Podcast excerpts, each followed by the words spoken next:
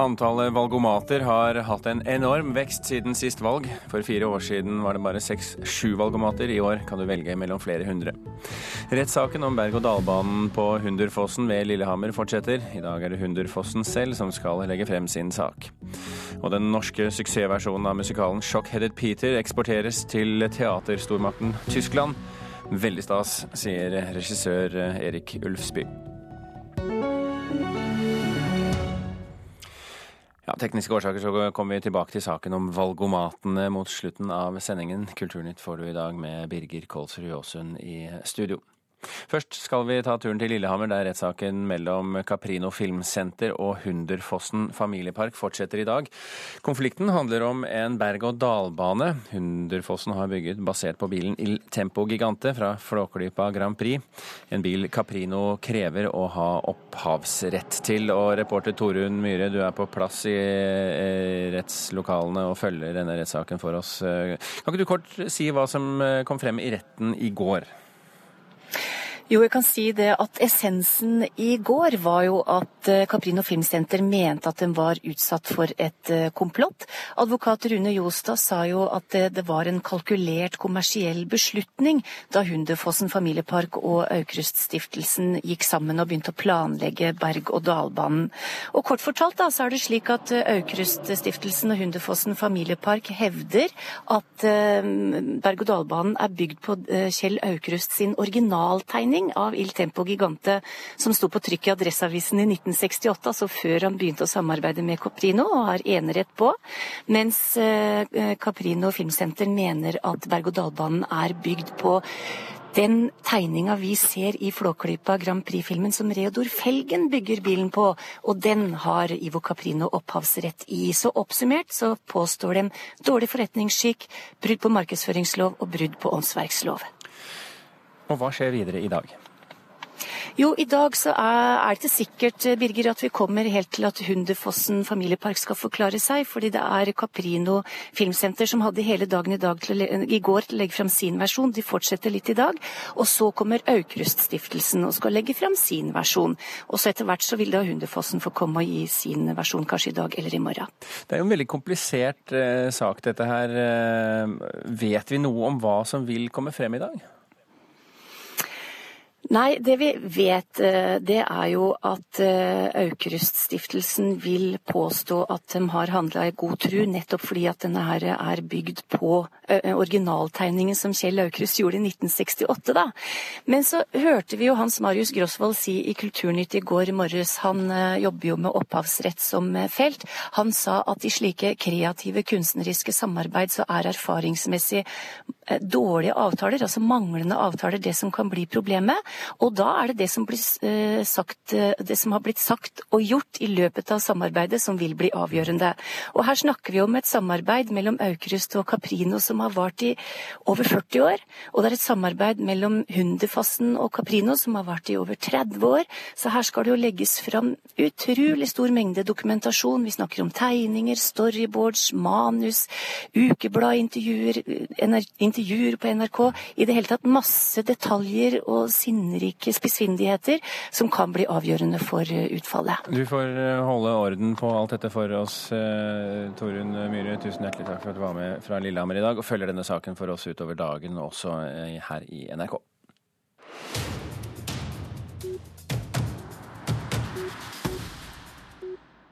Det Norske Teatrets eh, suksessversjon av musikalen Shockheaded Peter har blitt eksportvare nå. Musikalen ble sett av nærmere 35 000 mennesker i Oslo, og nå skal den settes opp eh, ved Statsteater Hannover i Tyskland. Det blir eh, tyske skuespillere, men ellers kopieres forestillingen fra Oslo, sier regissør Erik Ulfsby, som først skal forberede premiere i Stavanger. Ja, det er jo en liten fjær i hatten for, norske, for det norske teatret, hvor jeg er teatersjef. Så syns vi jo det er veldig stas at våre forestillinger blir anerkjent og, og ønskes eh, mange steder. Så det syns jeg er litt sånn kryss i taket. Sier regissør og sjef på Det Norske Teatret, Erik Ulfsby, som deler æren for musikalen 'Shockheaded Peters' suksess med bl.a. scenograf Arne Nøst. Teatersjefen i Hannover han så oppsettinga i Oslo og blei da veldig begeistra. Neste fredag er det Shockheaded-premiere i Stavanger konserthus med skuespillere fra Rogaland teater, der Nøst for øvrig også er sjef.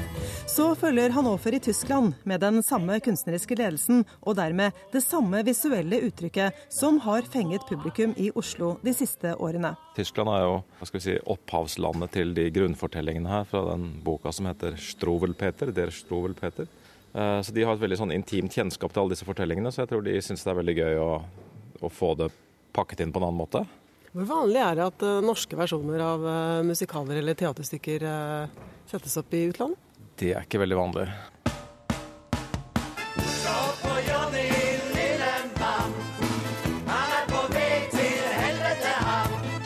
Norske teaterets 'Shockheaded Peter' med Vidar Magnussen i prisbelønnet hovedrolle ble spilt i to år for nærmere 35 000 mennesker. Nå følger altså Stavanger, og deretter Statsteater Hannover, sier Ulfsby. 16.9 begynner vi prøvene i Hannover i Tyskland med samme konseptet, så det er jo noe vi syns er veldig stas. Og så kommer elefanten ned dit da i begynnelsen av oktober, og så er det premiere der 31. oktober. Elefanten det er en demonterbar seks meter høy gigant laget av det samme materialet som sitteunderlag. Først skal den imponere publikum i Stavanger, før den altså sendes i container til Tyskland. Der de andre kulissene vil bli gjenskapt, forteller en stolt scenograf Arne Nøst. Så det blir veldig gøy for oss eh, som har utvikla det her med norske folk, å liksom høre det på originalspråket. Fornedringers labyrint! Shockheaded Peter er basert på en 170 år gammel tysk barnebokklassiker og ble først adaptert til teater i London i 1998. Men ingen har slått på stortromma som Erik Ulfsby på Det Norske Teatret. Det var han som var eh, teatersjef på Statsteater Hannover, eh, Lars Ole Valborg, som var i Oslo og, og så forestillingen og falt for den. Og umiddelbart etter den eh, kom bort til meg og sa 'You have to do this in Hannover'. Hvordan er denne annerledes enn andre versjoner av denne musikalen? Dette kan du gjøre så stort og lite som du bare vil. Så vi eh, valgte et veldig svært og maksimalistisk uttrykk. Akkurat det tror jeg ikke har vært gjort før. Eller det vet jeg ikke har vært gjort før. Rogaland teater har leid seg inn i Stavanger konserthus, for Shockheaded Peter er rett og slett for stort for teatrets egen hovedscene, som dessuten bygges om for tiden. Så venter altså Tyskland for Nøst, Ulfsby og resten av det kunstneriske teamet fra Norge. Altså, vi gleder oss veldig, og det er veldig artig å komme til et så Det er et stort teater i Tyskland her. Veldig proft. Det hører til unntakene, så det er veldig stas, altså. Shockheaded Peter var det, og reporter var Anette Johansen Espeland. Det er eh, svært store forskjeller på hvor mye norske kommuner bruker på kultur. Bykle kommune i Aust-Agder bruker nærmere 20 000 kroner i året per innbygger, mens Selje kommune i Sogn og Fjordane kun bruker 312 kroner, skriver Klassekampen i dag. Avisens eh, oversikt viser at fjellrike kraftkommuner i Innlandet har flere kulturkroner å avse enn kommuner i lavlandet og på kysten.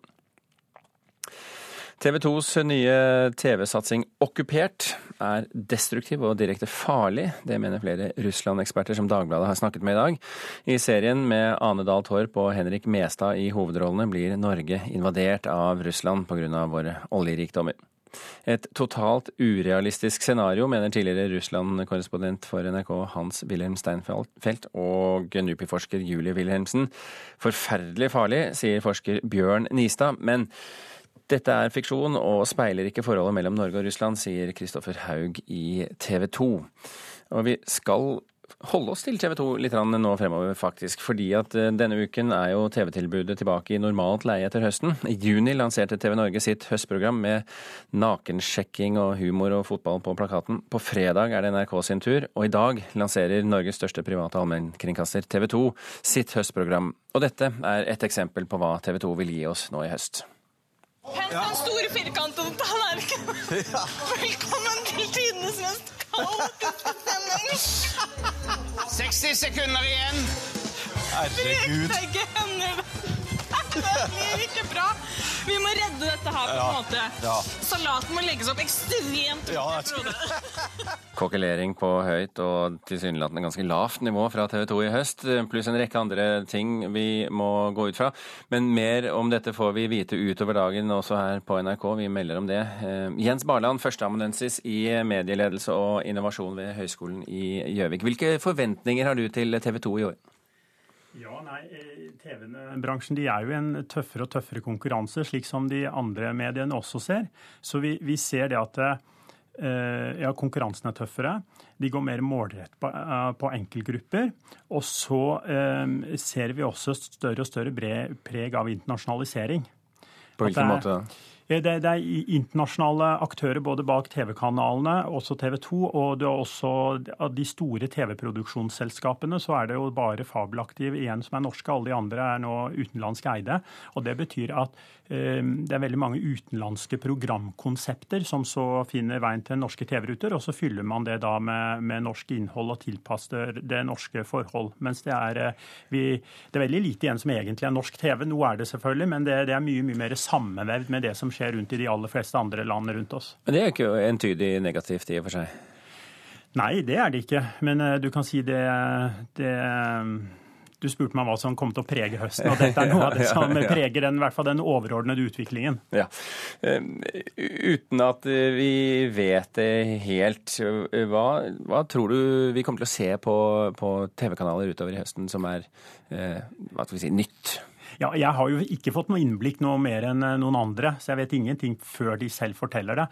Men eh, et preg som vi ser nå, det er litt sånn rart for jeg holdt på å si sånne gamlinger som deg og meg, sammenlignet med de ungdommene som vokser opp nå.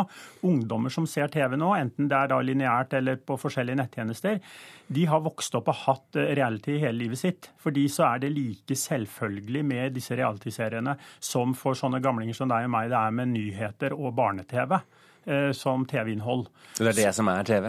Ja, eh, eh, kanskje det er litt kraftig å si det sånn, men det kan nok være for mange så er det, assosieres det med, som TV med den største selvfølge. Og det vi også har sett, er jo at reality-sjangeren den, den forandrer seg eh, litt sånn for hver sesong. Eh, det kommer crossovere, det kommer eh, sånn, altså sjangermiks, der du trekker inn forskjellige ting. Du ser når eh, NRK har jo lagd eh, reality-TV som de blander i nesten litt sånn godt gammeldags skolefjernsyn inn i for å, at vi skal få litt lærdom. Og så ser man her nå hvordan eh, Så jeg forventer også at det på reality-TV-fronten at det kommer til kanskje å se litt nye eh, trender. Nakensjekking f.eks., som, som TV Norge skal ha. Men, men eh, altså, eh, vanlig lineær TV, der du setter deg ned og ser på det som noen forteller deg du skal se på, Få får nå konkurranse fra, fra eh, strømmetjenester som Netflix, HBO, Sumo, TV2 Sumo og f.eks. Viaplay, eh, for ikke å snakke om Facebook og YouTube. Hva gjør det med lineær TV? Altså, eh, Lineær TV, altså der du setter, setter deg ned og blir servert, det er jo også en kvalitet ved TV-senga, nemlig det å bare eh, sette seg ned og relaxe og så la noen andre velge for deg. Så det, det er jo ikke sånn at det bare blir konkurrert ut av at man skal selv velge alt mulig rart. Det har også det, det med seg. Så ser du dessuten at, dessuten at noen av aktørene driver både med lineær-TV og med forskjellige digitale TV-sender der de pusher det på deg. Og da vil de også bruke de kanalene til å markedsføre hverandre. Sånn at da, mange av de nye kanalene blir også brukt til å markedsføre det gode gammeldags lineær-TV-en. Så det stimulerer også det. Så det man ser er vel heller at ja, lineær-TV-en den er slitesterk, den, den holder stand på et visst nivå, men den kommer til å forandre seg. Til det bedre? Eh, Ja, det tror jeg. fordi at det, i hvert fall hvis du snakker ut fra det at den skal treffe kundene og seerne enda bedre. Jens Barland fra, eh, fra Høgskolen i Gjøvik, tusen hjertelig takk for at du kom til Kulturnytt. Klokken er eh, 17 minutter over eh, åtte. Du hører på Kulturnytt, og dette er eh, toppsakene i Nyhetsmorgen nå. Nær halvparten av de som opplever store tunnelbranner, får psykiske problemer etterpå. Det viser en oversikt fra Direktoratet for samfunnssikkerhet og beredskap. Gjerningsmannen etter bombeangrepet i Bangkok er filmet av et eh, overvåkingskamera, men det er foreløpig ikke kjent hvem han er. Og Kristelig Folkepartiets leder Knut Arild Hareide kom best ut av partilederdebatten i går. Det mener flere kommentatorer i dagens aviser.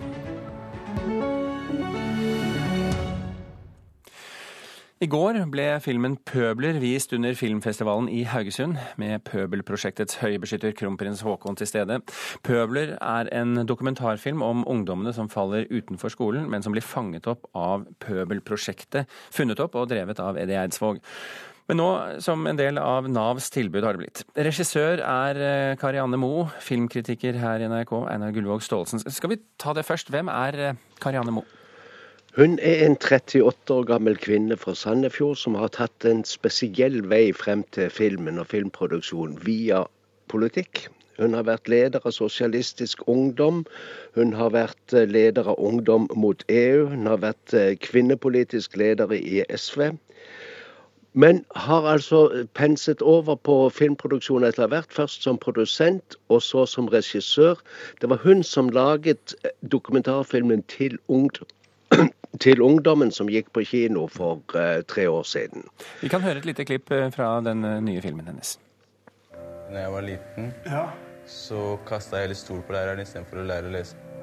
Mitt mål her er at innen tre måneder så har du fast jobb. Det er mitt mål. Dere har ikke huller i CV-en.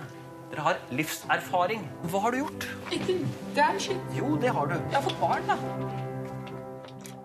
Liksom. Hun filmer da altså eh, Pøbelprosjektet mens det er i drift. Hvordan preger, henne og, eh, hvordan preger hun og hennes filmteam eh, ungdommen og lærerne med sin tilstedeværelse?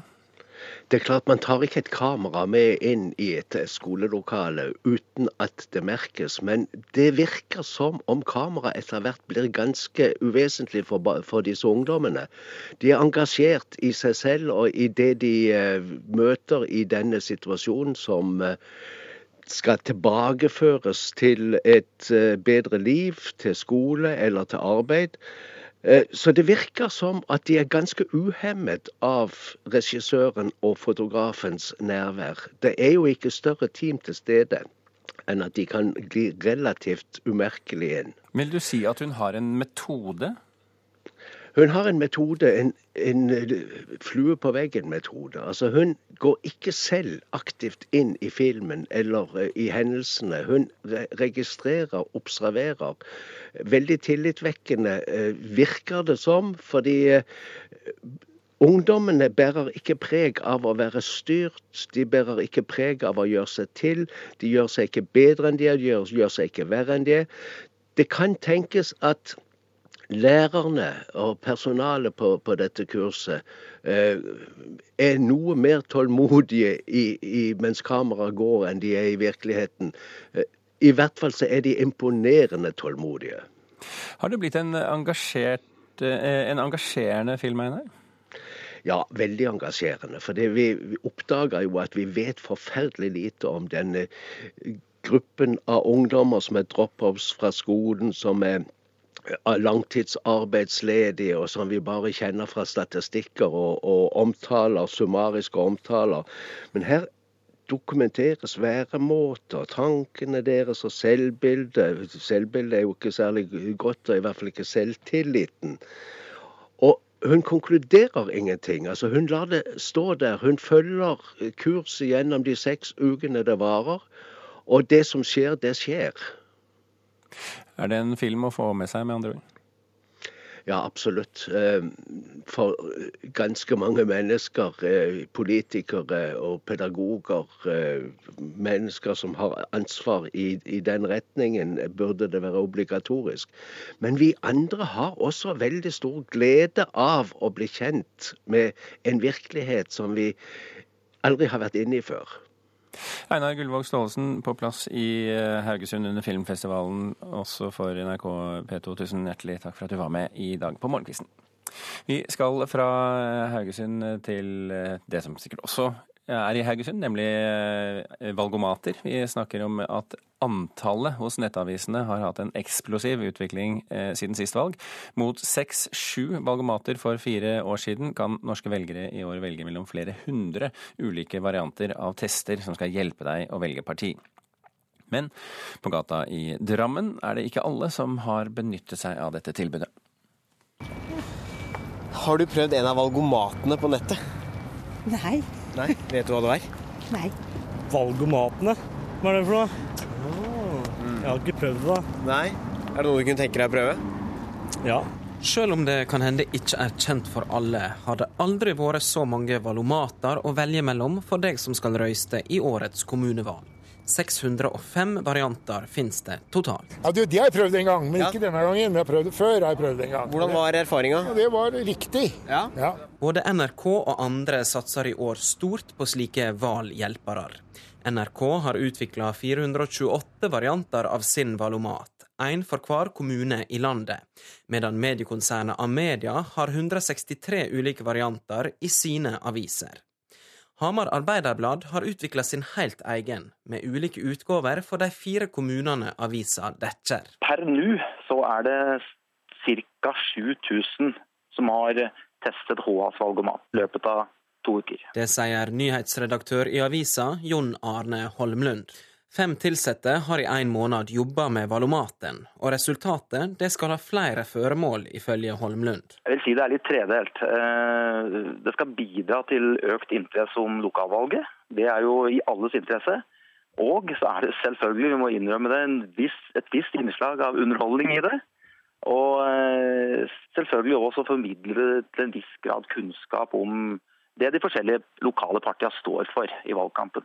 Eh, Nei, det, det viser jo at mediene bruker veldig mye ressurser på dette her. Det sier valgforsker Bent Årdal. Der har du HAs valgomat.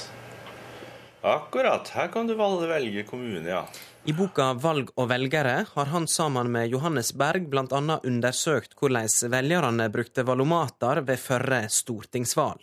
Og det er de yngste velgerne som i størst grad legger sin lit til valomaten. Det som er mest interessant, er at når vi går og ser på de ulike aldersgruppene, bl.a. på førstegangsvelgerne, så er det tre ganger så mange, 15% som sier at det hadde faktisk stor betydning for hvilket parti de valgte. Årdal tror at den store floraen av valomater kan ha potensielt negative konsekvenser. Men når det blir så mange tester sånn som dette her, så mister jo også partiene litt oversikten.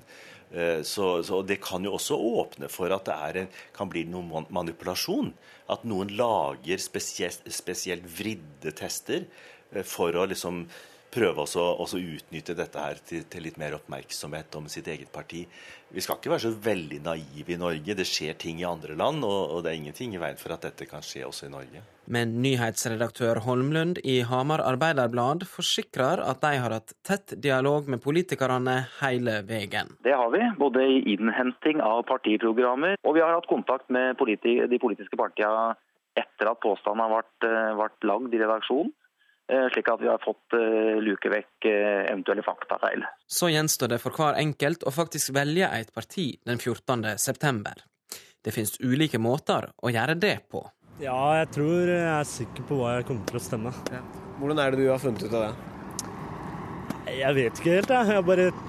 Eksen min fikk meg til å gjøre det, da. Miljø De Grønne. Å ja. Ja, altså, de er jo mer sånn derre miljø...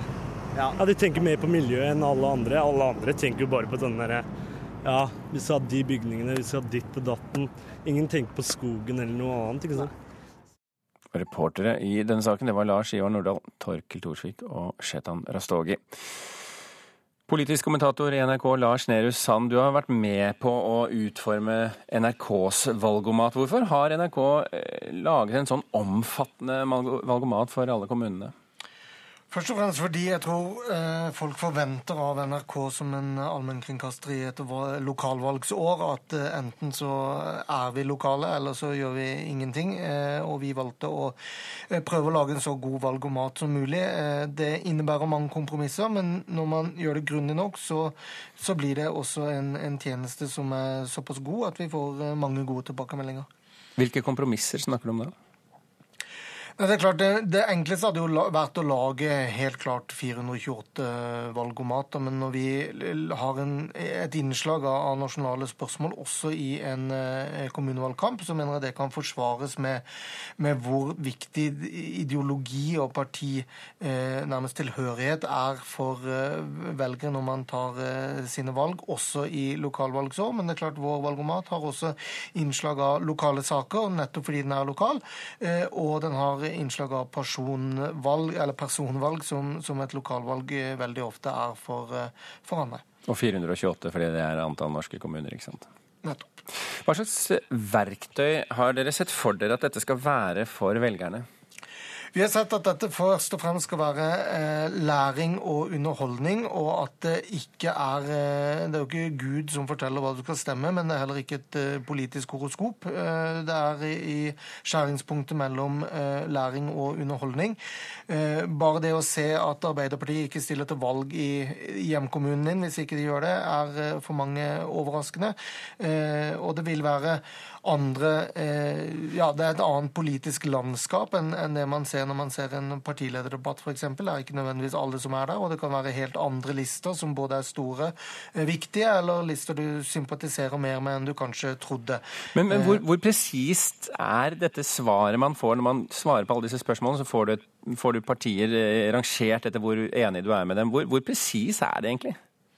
Det mener jeg ganske presist, og kanskje spesielt hvis du ser på topp tre, eh, og ikke bare på det, på det øverste, så er det eh, presist. Men jeg tror det er få som tar en valgomat og tenker at dette er eh, den eneste kilden for mitt partivalg. Men vi mener at dette kan hjelpe deg til å, eh, til å navigere i det politiske landskapet, og at det er en god tjeneste til nettopp det. Lars eh, Nehru Sand, eh, tusen takk for at du var med oss i Kulturnytt nå på morgenkvisten. Vi har tenkt å runde av. Eh, vi har fortalt i dag at rettssaken om berg-og-dal-banen går videre på Hunderfossen. I dag er det altså motparten som skal legge frem, og du kan få mer om dette utover dagen hvis du hører på NRK Alltid nyheter eller følger med på nrk.no. Kulturnytt er slutt. Guri Hertzberg Finnsveen, Thomas Alvarstein Ove og Birger Kolsrud Aasund takker for følget.